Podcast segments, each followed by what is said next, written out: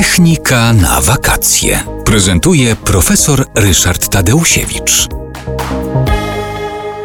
Tworem, który jest e, niezwykły i jest e, zabytkiem techniki, jakkolwiek niekoniecznie polskiej, e, jest kanał Elbląski. To jest takie przedziwne miejsce, gdzie statki płyną po trawie.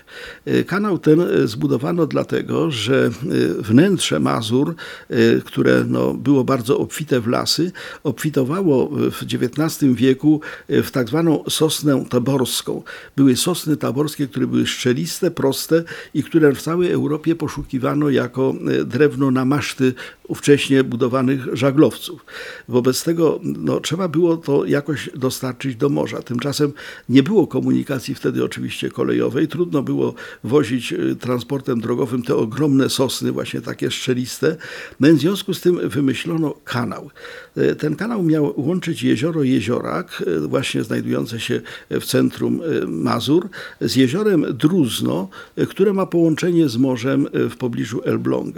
Długość y, tego kanału wynosiła y, blisko 100 kilometrów.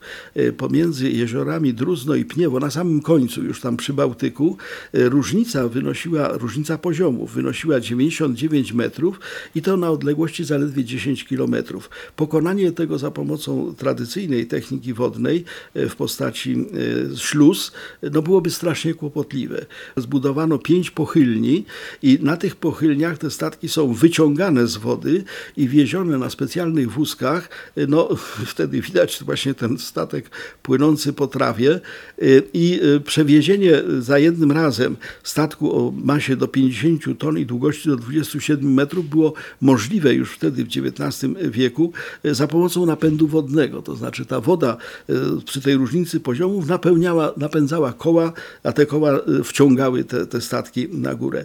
Dodatkowo wyróżniano poziom pięciu jezior.